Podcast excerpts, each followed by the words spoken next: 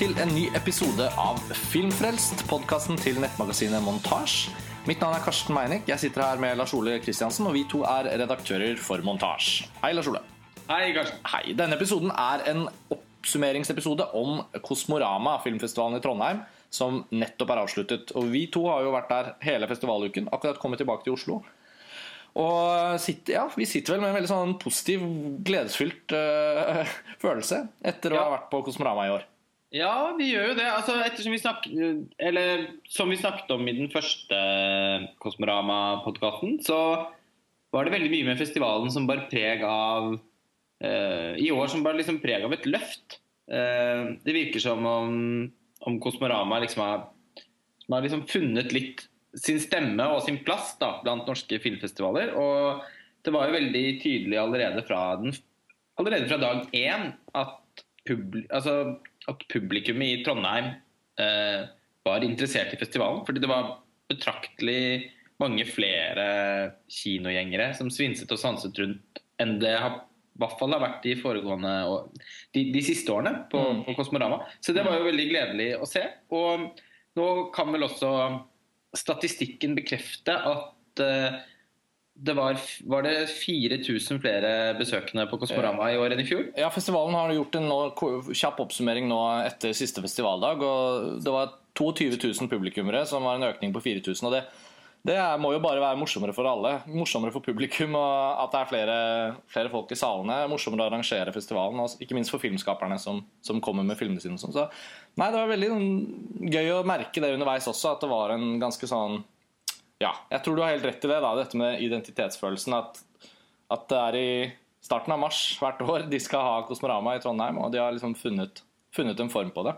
Og nå i denne episoden så har vi jo da tenkt til å fokusere på én film. Vi gjorde det i forrige episode, da snakket vi om A Most Violent Year, men vi kom også inn på et par andre små filmer og opplevelser fra festivalen. og og med unntak av kanskje den Gregor Rocky-filmen, som jeg synes det har vært gøy å bare si bitte litt om, så skal da denne episoden handle om uh, det som sto igjen som en av festivalens uh, beste filmer, men kanskje den absolutt største oppdagelsen.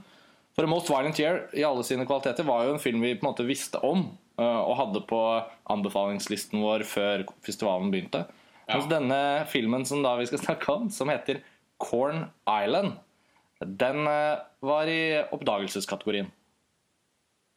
Det var den definitivt. Selv om filmen vant hovedprisen under filmfestivalen i Kolovivari, og fikk også var det hederlig omtale fra juryen under Film fra sør. Ja. Så, sånn, sånn sett så har filmen eh, Man har hatt mulighet til å snappe opp filmen tidligere, men vi var ikke i Kolovivari, og, og vi fikk ikke sett den under Film fra sør. Så, så sånn sett så var det føltes det veldig som at, at uh, det var Kosmorama som som gjorde oss virk, virkelig oppmerksomme på, på filmen. Og det hadde litt å gjøre med måten den ble vist på. Den egentlig, eller den ble presentert av Stig Kulseth, uh, ved filmvitenskap, uh, ved NTNU, som, som, som, som introduserte filmen og hadde en samtale med, med publikum om den etterpå. Den forestillingen skulle vi egentlig Jeg tror, vi kom vel inn på det i forrige episode også, at vi endte opp, eh. vi endte opp på en iransk film isteden. Ja. Så, men det betød jo da ikke at vi eh, at vi sa farvel til Corn Island. Vi bare måtte vente et par dager, og så fikk vi heldigvis anledning til å se den. Da, da riktignok uten innledning og ettersnakk, men, men filmen klarte jo helt fint å holde seg flytende. Eh, Absolutt. For det var virkelig en, en, en stor opplevelse, må man si. Skal vi, ha, skal vi snakke oss kort gjennom de siste tingene som har med festivalen å gjøre som helhet, eller har du lyst til å gå rett inn på filmen? Nei, altså vi kan godt avslutte uh, Kosmorama-oppsummeringssnakken først, egentlig. Det var jo- litt til å si i stad, uh, men, men, mens du egentlig var inne i et annet resonnement. Så, så jeg trakk det tilbake igjen. Men nå kaster jeg det ut igjen. Vi, eh, vi har jo også kunnet eh, oppsummere festivalen i form av de prisene som ble delt ut. Eh, nå er det ikke noen sånn stor prisutdeling eh, på Kosmorama. De har Kanonprisen, som er fokus på norsk film, men det er jo ikke helt en del av festivalvisningsprogrammet. Men de har to priser, altså en New Directors Award og en publikumspris. Og prisen eh, i det programmet som fokuserer på regissører som ikke har laget så mange, enten debutanter eller folk som lager sin andre eller tredje film, tror jeg, så, så har de gitt prisen til en, en film med Viggo Mortensen som ikke vi fikk sett, men som hørtes ganske spennende ut. Den het 'Far From Men'. Ja, 'Loin de Homme' av eh, David Oelofen. Så den må vi bare merke oss bak i øret og prøve å få sett en gang. Den fikk vi dessverre ikke sett under Kosmorama. Og publikumsprisen gikk ikke overraskende til den argentinske filmen 'Wild Tales', som også blir kinoaktuell i Norge nå i disse dager. Uh, som vi så i Cannes i fjor. Som Det var ikke overraskende. Det er definisjonen av en publikumsprisvinner. ja, virkelig. Det er jo så er en kruttønne av en film eh, som er så sjenerøs og underholdende at man skal være ganske surpomp for å ikke få noe, noe, noe filmglede ut av den. Hva som skjer med den Far From Men, eller Loin de Homme, på, på om den, om den i det hele tatt blir vist i Norge, det er ikke så godt å si. Men den er i hvert fall eh, Den var i hvert fall basert på en, eh, på en novelle, tror jeg, av eh, Albert Camus. Mm. Så, så sånn sett så, så er jo det en hook. Ja, det lover jo det lover veldig godt. Det er i hvert fall to, to filmer som også da ble fikk utmerkelser på Kosmorama. Av en eller annen grunn så, så, så føler jeg vel at kanskje det det var to altså sånn, Kosmorama føles ikke helt som en pris hvor man står Nei, som en festival hvor man helt står og venter på den store prisutdelingen og hvem skal, hvem skal få de utmerkelsene og sånn, men, men den publikums... Veldig sånn uhøytidelig Ja. Og det, er, og det er kanskje greit også. Jeg, det har nå en gang, jeg tror det gjelder for, for, for Tromsø og andre festivaler også, at for bare fem-seks år siden så, så fantes det mer midler til at en sånn pris kunne sikre norsk distribusjon. Jeg tror det både i Tromsø og på Film fra sør så var det tidligere sånn at eh, disse prisene medførte en ganske stor økonomisk støtte til distributøren som kunne plukke dem opp, men pga. at eh, bransjeorganisasjonen Film og Kinos budsjetter har blitt reduserte, så tror jeg bl.a. denne typen prispenger har blitt, eh, har blitt nappet litt vekk. Da. Det er jo på en måte synd, fordi det har jo alle disse festivalene også kunnet kunnet fungere sånn da, og gi et insentiv til at en liten film som kanskje ellers ville falt mellom uh, sprekkene, kunne kommet seg opp og fått, fått muligheten til å nå ut til publikum. Så Sånn sett så kan man jo si at akkurat de prisutdelingene, uh, f.eks. på Kosmorama, føles ikke helt som den har den store vekten i forhold til å kunne gi en film et lengre liv. Men det gir akkurat en liten sånn oppmerksomhet. da. Og for Wildtail, som allerede skal på kino, så er det jo kanskje en ekstra, en ekstra, ja, etik etikett å putte på plakaten. Ja, det var akkurat det jeg skulle si. Ja. Og um, ja, heder og det, Men det begrenser seg litt til heder og ære. Da. Uansett så, eh, så, så, så, så blir jo filmene litt løftet fram. Også litt, ettersom prisutdelingen også ikke skjer helt mot slutten av festivalen, så gjør det også til at en del eh, besøkende kan forsøke å virkelig få med seg de filmene. Da. Ja. Eh, men det jeg skulle si i stad, igjen, eh, var eh, Som var dette poenget som jeg hadde gått og kvernet på. Og det var jo at er det noe som, er det noe som man bør trekke fram ved Kosmorama i år, så er det at de har gjort et veldig tydelig de har hatt et veldig tydelig fokus på norsk film. De har på en måte tatt over stafettpinnen litt etter Haugesund. Fordi eh, Haugesund i fjor viste jo forbløffende Hadde jo premiere på forbløffende få norske filmer. I forhold til hva de har gjort tidligere, ja. Det har jo alltid vært liksom en lanseringsplattform for den norske filmhøsten. Eh, og så har det, men det har da litt, gått litt mer opp og ned de siste årene. Eh, var, eh, det, det var veldig merkbart eh, hvor lite norsk film det var der i fjor høst. Og nå, ettersom filmvåren også da består av er det bare ni titler, så, så hadde liksom Kosmorama gjennom sin plassering, ettersom de fleste av disse filmene skal premiere i mars, så hadde Kosmorama gjennom eh, Altså gjennom å bli, være plassert tidlig i mars, da, muligheten til å rett og slett liksom kuppe premierene på veldig mange norske filmer. Og det har de fått til. Det, har vist, det er vel syv av de ni norske filmene som, som har premiere i vår, som, eh, som har blitt vist på Kosmorama nå. Ikke alle har hatt helt sånn eksklusiv premiere der. Noen har jo Brødre Aslaug Holm, Holm f.eks. ble jo vist på TIFF. Mm. Um, Og 'Drone', den dokumentaren, har også blitt vist på mange festivaler og hatt kinopremiere før den ble vist på Kosmorama, men det var likevel en av de filmene det var helt umulig å komme inn på. Så det, det sier jo også litt, da. Ja, og det sier noe om at hvis man samler de norske filmene eh, og, og, setter et ordentlig fokus på dem, så, man, så, så, får det en veldig positiv effekt da, for alle sammen. Pluss at det, det, får en veldig positiv effekt for Kosmorama også, fordi det, det gjør da at da er det ikke bare Kanonprisen som gjør at norske filmskapere og film, norsk folk fra norsk filmbransje tar turen opp. Da. da blir det også sånn at veldig mange regissører, skuespillere, eh, produsenter reiser opp for å presentere filmene sine der, gjøre intervjuer med pressen osv. Så videre. så sånn sett så eh, bidro det veldig til å skape liv på festivalen. Så det var et kjempevellykka valg, som mm. jeg også fikk Etter å ha snakket med en del som jobber med festivalen, så fikk jeg også inntrykk av at de selv opplevde at det var, et, var, veld, var veldig riktig, en, en, veldig riktig retning å bevege seg i. Da. Mm, jeg, det, tror, det har jo vi også diskutert en del. Nå, nå, nå kommer jo de nye norske kinofilmene sterkt i fokus på montasje i spalten vår som heter Analysen. sånn at eh, underveis i filmvåren så vil jo hver og en av disse filmene få en ganske sånn grundig diskusjon. Men det er jo klart at den muntlige, eh, mer sånn eh, ja, samtalebaserte praten om hvordan disse filmene Noen ligner på hverandre, noen går i en retning, andre går i en annen retning.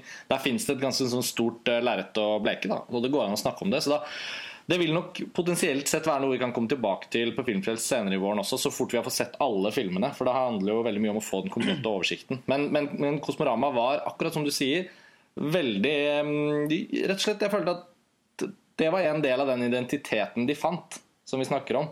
At ja. Som en festival som skal finne seg til rette og, og ta liksom, i hermetegn sin sesong av filmåret, så virket det som at både hvordan norske filmer nå i stadig større grad kanskje kommer til å unngå en, eh, en, eh, en kinopremiere i januar-februar og forflytte seg og finne liksom mars og april som litt sånn sesongperiode, så blir jo Kosmorama en helt utmerket lanseringsplattform. Og når Kanonprisen i tillegg er en del av Kosmorama, som jo handler om det norske filmåret, så, så, bare oppstår en eh, Ja, det oppstår en veldig logisk eh, sammenheng der. Og det fikk festivalen virkelig til i år.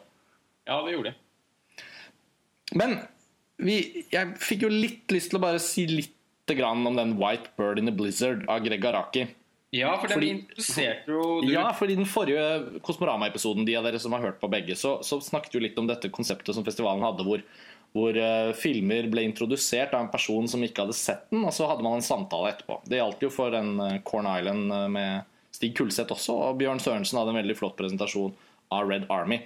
Og så hadde festivalen spurt oss, og det var jeg som tok oppgaven, om å gjøre dette med Gregor Arakis White Bird in a Blizzard. Og det ble en veldig fin visning, syns jeg. Det var rart og hyggelig å introdusere en Greg Araki-film som, som, begge vi to har gledet oss til å se. Kanskje du enda mer enn meg, men ja, eh, Jeg tror jeg er hakket mer mottagelig for ja.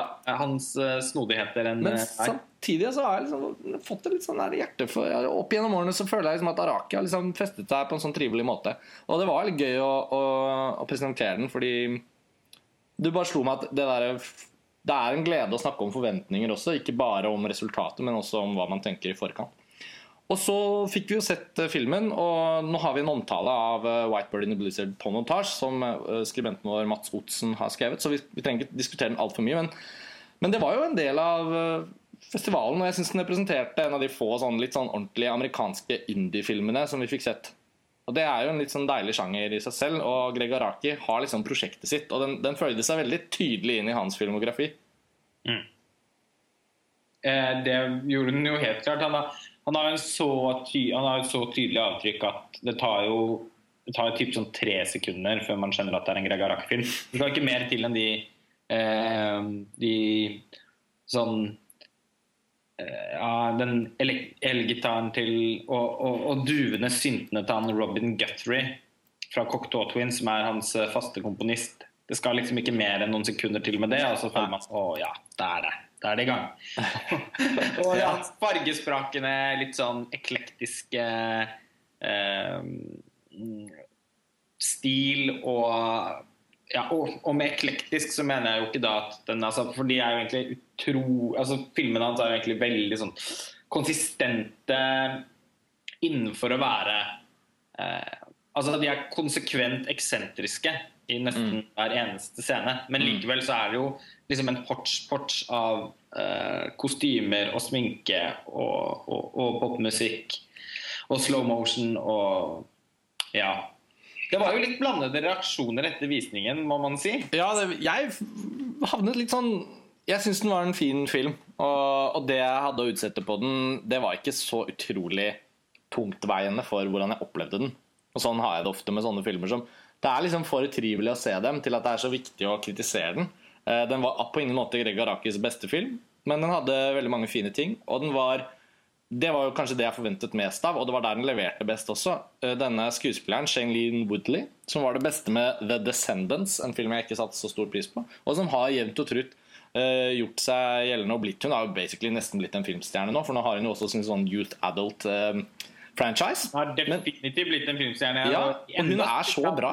Hun er utrolig bra, rett og slett. Og nå, etter at jeg kom hjem fra Kosmorama, så, så, så inspirert av White Bird in the Blizzard så fant jeg uh, den, en annen av disse indie-filmene hun har gjort, som heter The Spectacular Now. Ja. Av uh, James Ponsolt, som ligger på Netflix. Norske Netflix. Den gikk ikke på kino her hjemme, men den fikk jeg også sett. Og Der er hun også dritbra. Så jeg bare Nå er det sånn sesong for Celine Woodley, og nå kommer den oppfølgeren i denne Divergent-serien også, så da så jeg følte liksom at det var kanskje, kanskje altså En ting er Divergent-serien, men jeg tror nesten i enda større grad at rollen hennes i The Faults in North Stars Selvfølgelig. Men det er vel ikke en franchise? Fordi der, altså Jeg syns at filmen er helt forferdelig. og det er en annen diskusjon. Men hun spiller jo virkelig, virkelig bra. Det er en, det er en rolle som hun er, jo, hun er jo i hver eneste scene i den filmen og gjør alt hun kan for å puste liv i det, i det manuset. Og ja. Og på en måte så Hun lykkes jo også langt på vei med det, selv om jeg syns at filmen mislykkes fullstendig. Men, uh, men uh, jeg syns at Shelley Woodley har en evne til å menneskeliggjøre karakterer som ikke nødvendigvis hadde fungert så godt hvis de var spilt på en annen måte. Uh, hun, hun, hun, klarer liksom å løfte ja, alle filmene hun egentlig er med i. Og det, hun er jo det absolutt beste ved White Bird in a Blizzard òg. Jeg syns hun gjør en ordentlig god altså sånn, En ganske egentlig imponerende rolleprestasjon. Ja, og hun spiller så troverdig og bra innenfor en sjanger som er litt dratt ut uh, i uttrykket, kan man si. Og, og det, det, I motsetning til Eva Green, som spiller moren hennes, som legger an en slags sånn Elizabeth Taylor på, på, på speed. Um, variasjon. Så det, er liksom sånn, det, sånne, det, var min store innvending mot Whitebird and Blizzard, var jo disse toneskiftene som føltes litt for brutale til at jeg klarte å henge med på alle av dem. Men samtidig så er det såpass mye Det er som du var inne på, da, musikkbruken, fargebruken. Greg Arakis liksom, han koser seg så veldig med å liksom, lage film at, uh, at, at, det er for mye bra her til at det liksom helt glir ut. Men det var jo en fyr bakerst i salen på Kosmorama som etter at samtalen hadde gått en stund, rakk opp hånden og bare Jeg vil bare si at jeg falt ut etter fire-fem minutter, og så kjedet jeg meg gjennom hele filmen. og det var litt sånn Ja, OK. Ja, man kan, man kan, på en måte forstå det. Og jeg syns eh, for min del så eh, Så blir liksom veien inn i en film som dette er så lett, bare fordi det, jeg, eh, jeg liker jeg, jeg, har aldri sett en Greg Araki-film som jeg ikke har likt. Eh, og jeg syns eh, det er liksom noe med jeg, jeg, Og jeg syns han er god på å skildre Jeg synes han er god på å skildre tenåringer og, og tenåringers følelsesliv. og sånn. Der, der, der syns jeg han er virkelig god. Det er når han bikker over i å skulle skildre de voksne, at han mislykkes litt. Som jo er veldig tydelig tydelig i White Bird in the Blizzard med den Eva Green-karakteren, som jeg er helt enig med deg at det ikke fungerer spesielt godt. Og det tonebruddet der er på mange måter ødeleggende for filmen, selv om man er vant til at tonebrudd Man er veldig vant til tonebrudd i, ja. i Garaki sine filmer. Ja. Men, uh, men jeg syns uh, men, men, alt som handler om liksom uh, hovedkarakteren, da til eh, Shailene Woodley mm. fungerer veldig altså Skildringen av hennes seksuelle oppvåkning som skjer parallelt med at moren forsvinner, og at moren er en litt sånn det man kaller for en litt sånn ødipal mor. da mm. som, eh, som ikke helt har klart å akseptere at datteren blir voksen, og som forsøker å forme henne sånn at hun skal bli mest mulig lik seg selv. Så det er som om liksom det er som om, om, om Shailene Woodley sin karakter da nesten svømmer ut av fostervannet idet moren eh, forsvinner sporløst. Og, og, det mysteriet som den forsvinningen etterlater seg, og som, og som ligger som en slags til å begynne med litt sånn i bakgrunnen av en coming of age-fortelling, men som stadig tar mer og mer og mer plass. eh, lykkes jo dessverre heller ikke helt, da. Nei. det blir både det blir for forutsigbart og for Og rett og slett også etter hvert, i hvert fall mot slutten, litt for plumpt, rett og slett. Um, Araki kommer med en twist Mm. som sannsynligvis takket være romanen som, som filmen er basert på. Det kan, jeg, kan vel ikke vi vite noe om, for det er vel ingen av oss som har lest den. Men eh, det, det føles uansett som et veldig sånn, dumt grep. Ja, det er det, det er, så ja, Hvis vi skal oppsummere litt om White Bird og Blizzard, så blir det jo en sånn mellomfilm. Eh, En litt kjedelig kategori, men det er nå engang der den havner litt, syns Ja, jeg. men, men, like, ja, men, men likevel eh, Det er litt sånn definitivt tommel opp fra meg på tross av de innvendingene. Fordi jeg syns at det er så mye å glede seg over i filmen. Og den er så, på en måte også så lett å like for det den er. Og den har et helt fantastisk soundtrack eh, som jeg eh, snakket masse om da vi hadde under den eh, samtalen etter filmen i Trondheim. Altså, dette er vel den eneste filmen jeg har sett tror jeg, som har musikk fra alle mine fem favoritt-synt-pop-band fra 80-tallet. Altså både Pet Shop Boys, The Cure, Depeche Mode, eh, New Order og Tears for Fears. Det, er, det, det, det i seg selv var jo en betydelig kvalitet for meg. Men jeg ser jo at, eh, at det blir en veldig personlig preferanse. Men at soundtrack er fantastisk, det er det i hvert fall ingen tvil om. Ja, nei, det, er jeg helt enig. Og, og det er flere gleder med denne filmen enn det ikke er det. Så jeg tenker at, og Den kommer jo ikke til å komme på norske kinoer, så jeg tipper at her er det jo for de som kjenner og skjønner at dette er en film for dem, og, og har liksom Greg Araki litt under fingerneglene, så, så tenker jeg go for it. Den, den leverer jo på, så, på mer enn den ikke gjør. Men jeg syns jo likevel jeg, også Hvis man ser for seg at tiden skal gå og filmen skal synke inn i filmhistorien, og sånn, det, blir jo en, det blir jo en liten mellomfilm. Det blir jo det. Eller? Nei. Ah, ja. ja da. Ja. Jeg mener ikke å dra den ned i søla, jeg bare føler at den er liksom litt for uviktig til å liksom Ja, det er den. Den er helt uh, uviktig, og den er i den liksom deilige sjiktet med sånne filmer man ser på festival, som leverer der og da, men som man kanskje ikke tenker at man uh, er nødt til å gå nærmere etter i sømmene. Men Barnet som kommer etterpå. Men for all del, jeg kunne godt tenkt meg å sette den filmen igjen. Og kommer helt sikkert til å bestille den på DVD, fordi den må jo inn i Araki-seksjonen. Ja, ja men det, det Ja. Jeg, Jeg ville, hvis, jeg ville, all, alle som liker Greg Araki, er jo bare helt nødt er jo uansett helt nødt til å se filmen. Og jeg kan Ja. ikke si at den er noen Jeg syns ikke Jeg syns ikke den legger seg på et dårlig sted i hans filmografi. Den er veldig sånn Det er på en eller annen måte også noe av det mer sånn konvensjonelle tilgjengelige han har lagd. Så den er veldig enkel å glede seg over. ja, men det er en fin konklusjon. Ja. Ja, du skal få den. Videre til denne Corn Island, da, som Ja. vi vel sa for Ja, nå har vi Vi har varmet opp i 20 minutter. Nei, men altså, uh, la oss bare starte på det mest logiske. Dette er altså en film som, eh, som du nevnte, da. Den hadde verdenspremiere i fjor sommer på filmfestivalen i Karlovy Vary og fikk hovedprisen der. Eh, regissøren heter George Ovashvili, eller George Ovashvili. Filmens originaltittel er Simindis Konzuli. Det er en film fra Georgia som foregår på grensen mellom utbryterrepublikken Abkhasia og Georgia.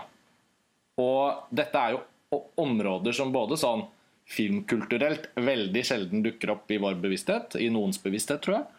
Men som ikke er noe mindre selvfølgelig interessante av den grunn. Og Kaukasus i sin helhet har jo en interessant filmhistorie. Georgia har jo en del regissører som de absolutt mest superinteresserte uh, vet om. Jeg husker Da jeg gikk på filmskolen, så ble vi vist tre filmer av en georgisk regissør. Uh, og det var fantastisk fascinerende. Jeg husker jo dessverre ikke navnet på han nå, men det var gamle filmer. da Og og også selvfølgelig både, mm, både den delen av Tyrkia som grenser mot Kaukasus, og Armenia. og Det fins mye der, men det er jo en av de områdene i verden hvor man føler man ganske sjelden får dykke inn og se en del av den verden på film. Da. Og det var jo med å gjøre at Corn Island ble en veldig sånn fascinerende film å gå inn i. Selv om den ikke er noe sånn stort eh, Den er jo veldig lite sånn episk anlagt. Det kommer vi jo inn på nå som vi skal fortelle hva den handler om. Men, men den har en sånn en sånn kulturell ting som, som føles sjel- sjelden, i hvert fall, syns jeg det. Også språklig. altså no, Rollefigurene I den grad de snakket, så snakket de ofte på abkhasisk. Og lyden av det språket er sånn Jeg tenkte sånn, dette er et språk jeg kanskje aldri har hørt lyden av. Det hørtes som et språk som nesten var funnet på. Så den første jeg har lyst til å si, er det da, at, at, den, at den er en film som, som kommer liksom fra en del av verden som vi veldig sjelden eh, støter på når det kommer til film. Ja, når du sier at språket nesten kan høres ut som det er funnet på, og den kommer eh, fra, en, fra, en, del av verden som vi normalt ikke har så, så nær kjennskap til, eller ser så mye film fra, så understreker det også at filmen, på tross av at den egentlig bare er en, en, en, en veldig autentisk film om, om, uh, om, en tradisjon som lokalbefolkningen har, uh, i hvert fall i deler av Georgia, hvert eneste år, så føles det nesten som en sånn postapokalyptisk film. Uh, det er som om hovedkarakterene Det er nesten som om de er de siste menneskene på jorden eventuelt de første menneskene på jorden. Ja. Eh, den har en sånn som understrekes av dette utrolig spesielle språket, og, og, alt er på en måte veldig underlig. Men for å, for å, fortelle litt mer om hva filmen handler om, da, så, så, er det da sånn at øh, bøndene i, hvert fall i, i, visse deler av Georgia eh, må hvert år passe på å finne sånne små øyer eller sånn banker med sandbanker som danner seg etter Det er, det er en stor flom hvert år. Og når den da eh, kommer til ro, så, så, oppstår det noen sånne sandbanker rundt omkring. Og Da er det om å gjøre som bonde å være førstemann ut og, og, og sikre seg en sånn liten øy.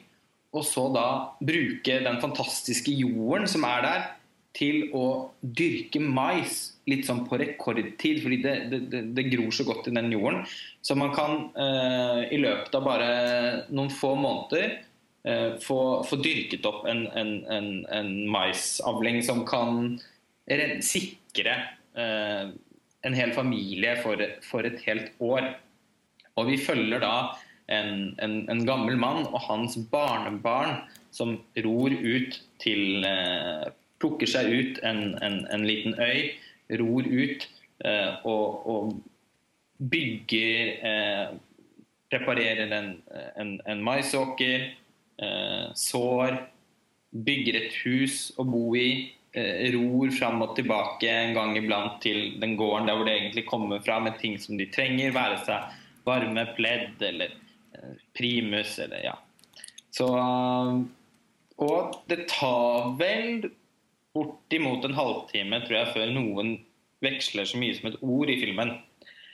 Det er veldig, veldig veldig lite dialog. Så filmens språk er på en måte eh, Er på en måte menneskenes sånn fysiske handlinger og, og, bevegelser. Det er en film som, som handler veldig mye om eh, sykluser, altså hvordan eh, hvordan man ved å gjøre de samme tingene igjen og igjen og igjen og igjen kan nesten altså så, få en slags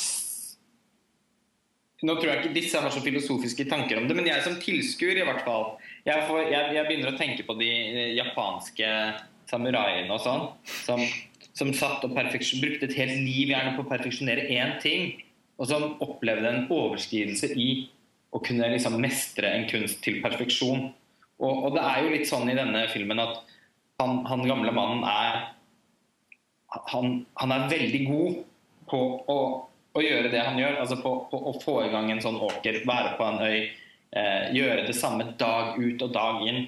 Eh, og det kan høres repeterende og kjedelig ut, og, men det, sånn, sånn, som også mange festivalfilmer av denne typen er. Men det er jo virkelig ikke tilfellet. Fordi Eh, det er eh, For det første så er det veldig vakkert å, altså bare å tenke på at det faktisk er mennesker som lever på denne måten i vår tid.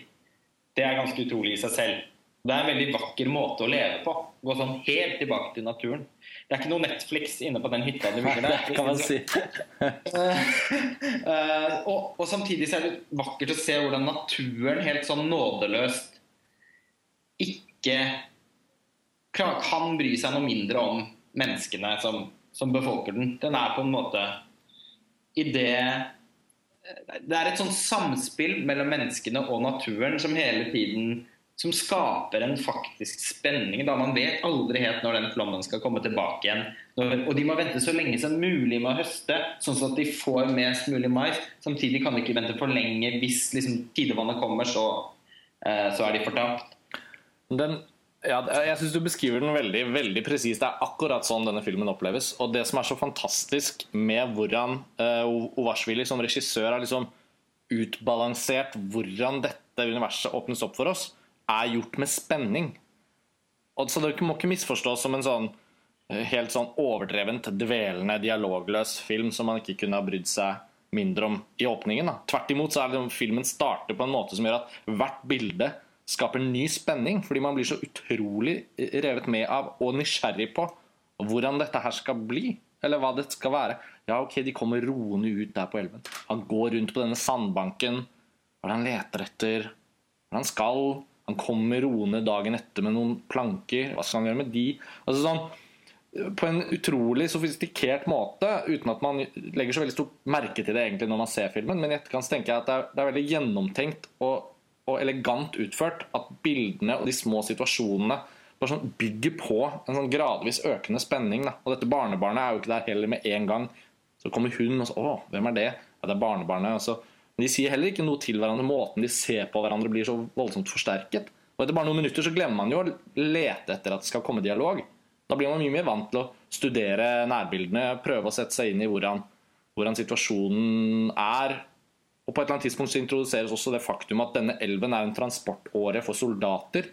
Og det foregår en konflikt mellom Georgia, altså sånn den, Georgia som stat sin, eh, sitt militære, og da utbryterrepublikken Abkhasia sitt militære.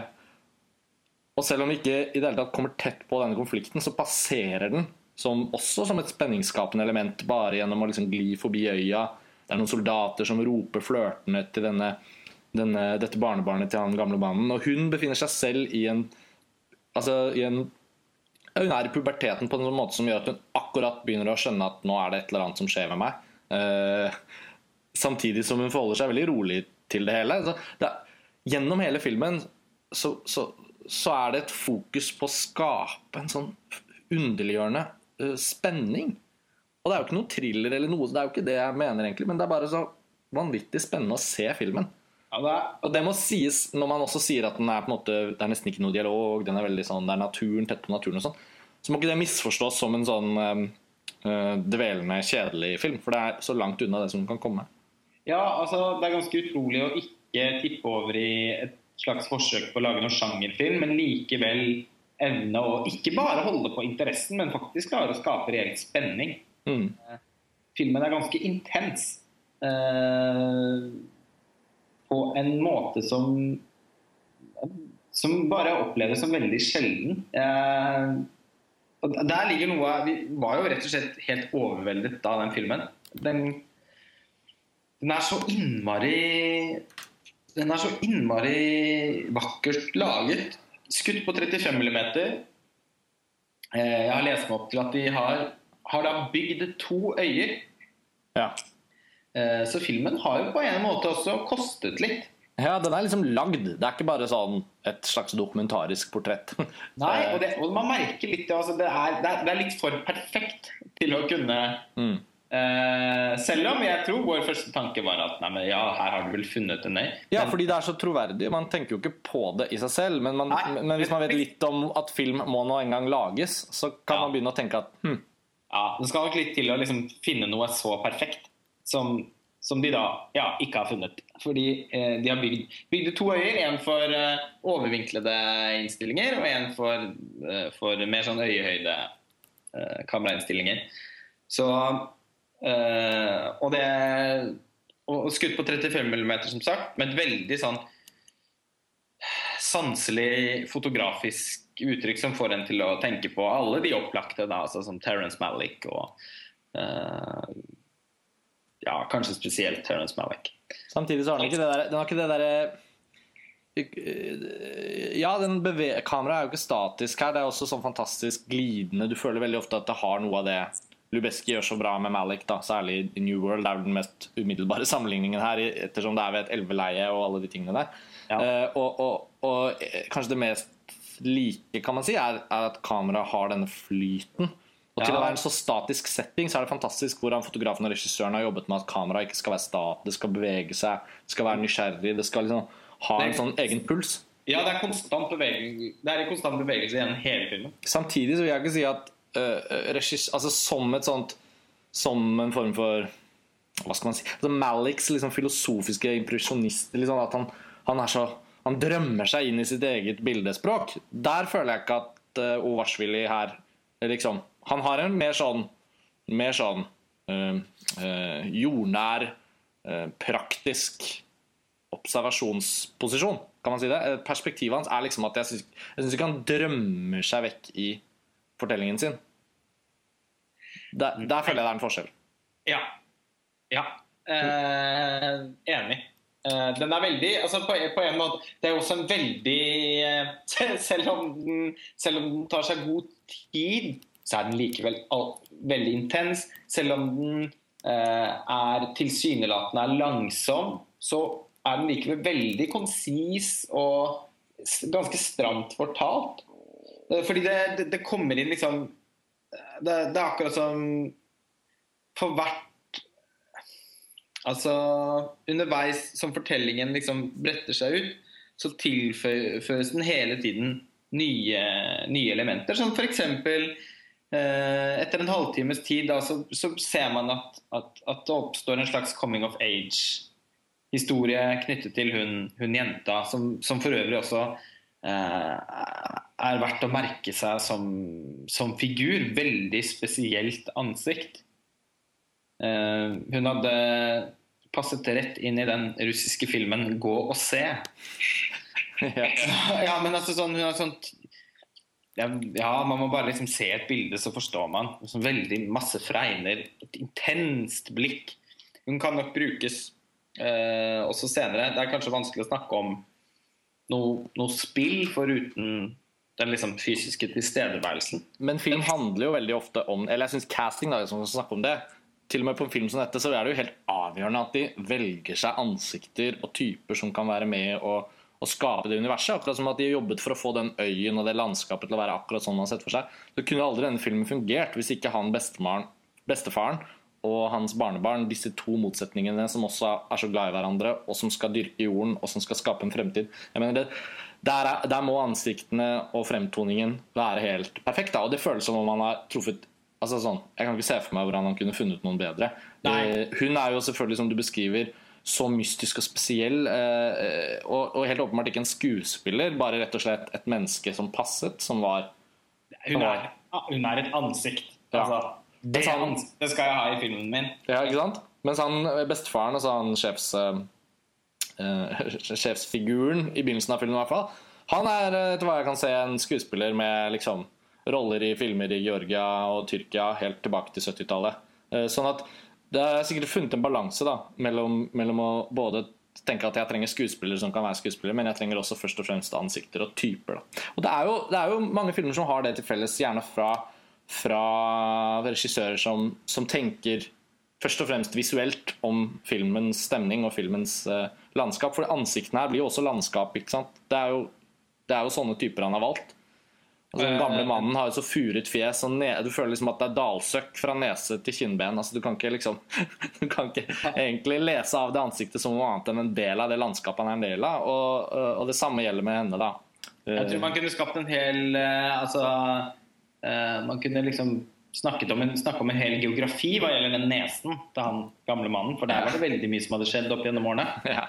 Men det er fantastisk faktisk hva han gjør i denne filmen. Denne, altså jeg har ikke kjennskap til han George Ovashvili i det hele tatt fra før av. Men det føles som en, en sånn vanvittig eh, vel, altså sånn, Denne filmen er så vellykket på det den sikter mot, at jeg, nest, jeg kan ikke tenke på én ting med den som jeg ville hatt noe å, å utsette på. Nei, altså den, det, og nå har vi på en måte sagt at vi liker denne filmen, men nå også sies at den er, den er nesten helt perfekt eh, på hva Ja. den er. Jeg kan ikke se for meg hvordan man kan gjøre dette bedre. Nei, nei, nei. nei, nei. Altså, det må ikke vi, vi er jo ofte entusiastiske når vi snakker om filmer vi ser på festivaler uansett, så det kan jo sikkert lett oppleves som om alle tilhører litt til sånn samme sjikt, men dette er liksom helt i toppsjiktet. Eh, Det er, eh, som du sier, det er tilnærmet en perfekt film. Altså, jeg kan, ikke, kan heller ikke tenke på en ting eh, ikke et eneste kunstnerisk grep her som, jeg, som rykket meg ut av filmen, eller som jeg ikke følte uh, skulle være der. Uh, vanskelig å forestille seg at man kan gjøre denne fortellingen på en annen måte.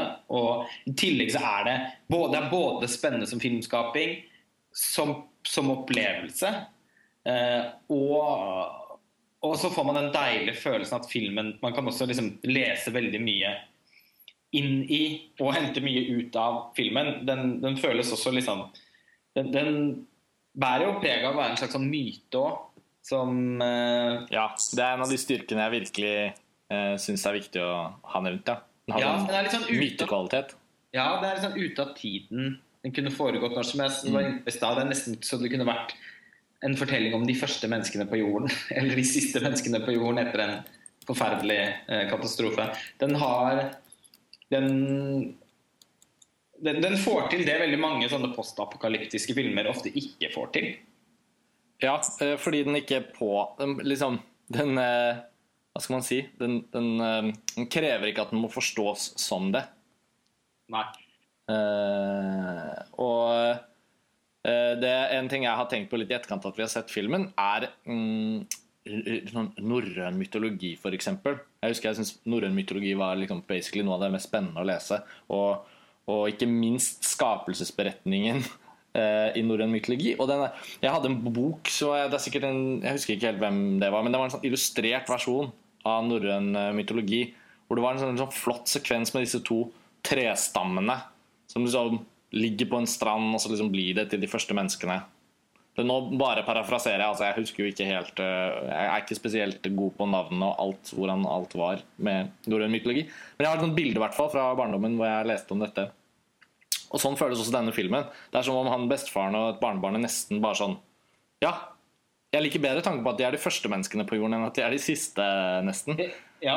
Uh, og at de liksom bare og der tenker jeg også Vi kan koble inn bare en personlig fascinasjon. Bare sånn, eh, vi er så urbane og vi er så teknologifokuserte i livene våre. Og det der med å bare ro ut til en sånn sandbanke og sette opp noen påler og få i stand en hytte og gå opp, samle kvister og lage et bål og få opp noe fisk og sette det til tørk og ned med noe maiskorn og opp med maisplantene. Jeg syns det er helt utrolig fascinerende å få se det på en film. Og så blir man nesten sånn selvkritisk på hvordan er det vi lever livene våre. Man må tilbake til naturen. Eh, den har en sånn effekt også, denne filmen. Budskapet må på en måte være at uh, røsk huene ut av de der hjemmebrygde øltønnene deres på Grünerløkka og finn en øy. Mm. Da kan du bli en ordentlig mann med mm. Ask, Unnskyld, Ask og Embla er det jo selvfølgelig fra norrøn mytologi. Herregud. Jeg kunne ja. bare ikke huske det, så jeg måtte slå det opp. Ja.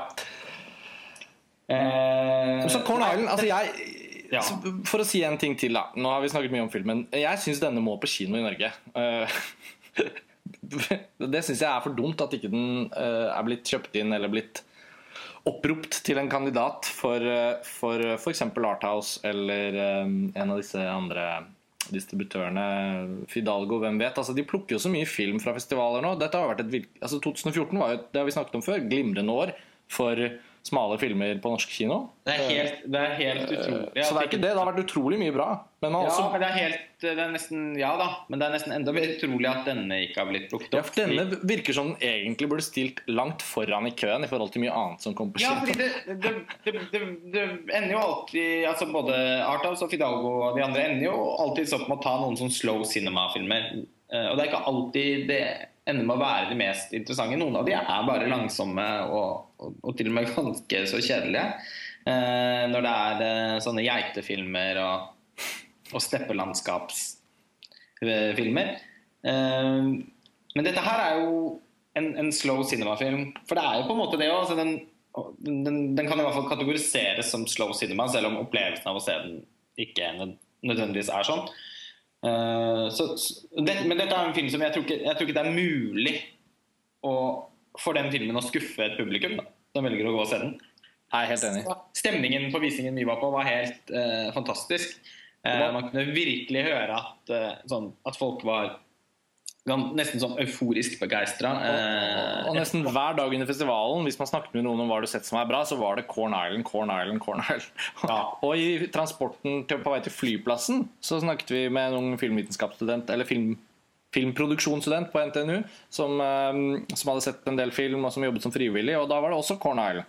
Så det var liksom sånn det er virkelig eh, en film som det virker som om ikke bare vi sitter og syns er fantastisk. Og det sier seg jo selv da når den har fått eh, en hederlig omtale på Film fra sør. Den var sikkert eh, populær blant publikum da også, selv om ikke vi fikk med oss den den gang. Og, og nå under Kosmorama. Så, så på mange måter i denne sjangeren du beskriver, da, som på en måte er slow cinema, men som ikke er opplevelsen av slow, men som må kunne kategoriseres som det, så, så er det jo ganske sjelden en film har så universell appeal for publikum.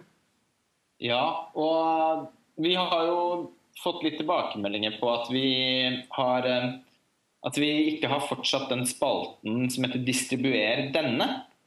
Ja, Det handler jo litt om eh, Og det er ikke et eh, bevisst valg, egentlig. Det handler om at den ikke har føltes så aktuell det siste året, halvannet året, fordi det det har faktisk blitt sånn at de fleste film, særlig da festivalfilmene, som er gjerne de filmene vi har trukket fram, løftet fram i den spalten tidligere, som, som har utmerket seg for oss, de, de har endt opp med å få norsk kinodistribusjon. Altså, Cannes i fjor, f.eks. Det var jo nesten ikke én tittel, tror jeg, som vi merket oss som ikke har havnet eller skal komme på norske kinoer. Og det er jo kjempegledelig. Eh, men det går utover den spalten. Altså, da blir man liksom hm, Ja. Fordi eh, distribuer denne spalten sånn som den har vært på montasje, eh, har jo bare blitt viet til filmer som vi syns har vært helt spesielle tilfeller eh, av Der hvor vi på en måte følt at distributørenes blindhet for filmen har, har, har vært veldig åpenbar, og, og, og hvor vi syns det er på en måte helt hårreisende at, at filmen ikke har kommet på norsk kino. Eh, Men samtidig så har også cinematekene blitt enda bedre på å ta, adoptere de litt sånn bortkomne filmbarna. Og med en gang de ender opp som månedens, både liksom på de digitale cinematekene og som månedens film i Oslo, så får man ikke helt, da føler man ikke helt at man har noe å klage over da heller. For det er også en veldig en utmerket måte å se filmen på. Man drømmer jo egentlig om å se alle filmer på Tankred. ja. Så det blir egentlig sånn kjempebra alternativ. Så eh, ja. Men dette var i hvert fall den sterkeste kandidaten på veldig lenge, da. For å gjenopplive den mm, Ja, Ja. som kan, som kan gjenopplive den spalten. Fordi denne filmen må få distribusjon. Ja, jeg er helt enig, fordi den, den, den, den vil jo også sette veldig mange andre filmer i den kategorien i skyggen. Da vil man så oppleve tydelig Oi, faen, her var det jo en som var enda, enda bedre enn eh, enn det den ja, Film X var, da. Sånn at um, La oss håpe at uh, det blir tilfellet. Og jeg syns jo selvfølgelig at en eh, distribusjon som månedens film på Cinemateket eventuelt er jo selvfølgelig et, veldig godt alternativ til godt eh, til eh, alternativ. regulær kinodistribusjon. Men for alle de som, som hører på dette, selvfølgelig, men som også som er nysgjerrig på den type filmer, da, så er det jo bare å det er jo bare å notere seg det. og Hvis man har veldig lyst til å se Corn Island, så kan man alltid sende en mail til en av disse distributørene eller Cinemateket og si den er jeg nysgjerrig på, den har jeg lyst til å se, kan ikke dere sette den opp? Det går an. Folkets makt.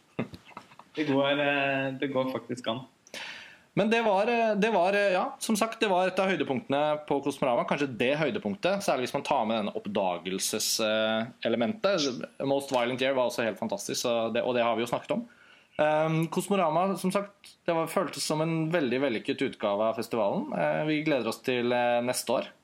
Det er uh, innmari bra å vite at, eh, at Kosmorama har funnet, funnet en, eh, en fast periode på våren å bli arrangert på, og også at dette fokuset på norsk film sannsynligvis kan dyrkes enda litt videre.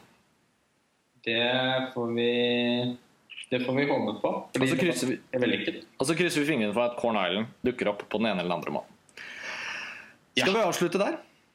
Det, det føles, føles riktig. Corn Island Jeg tror ikke det er det siste vi Vi skal nok snakke mer om den siden. Det er jo da også en film som kommer til å kvalifisere for topp ti-listene på slutten av året, og jeg kan føler allerede at den har en veldig god sjanse til å havne på min, i hvert fall. Ja, nei, det, det tror jeg det gjelder for meg også, og det tror jeg vil gjelde for alle de som eh, får sett den.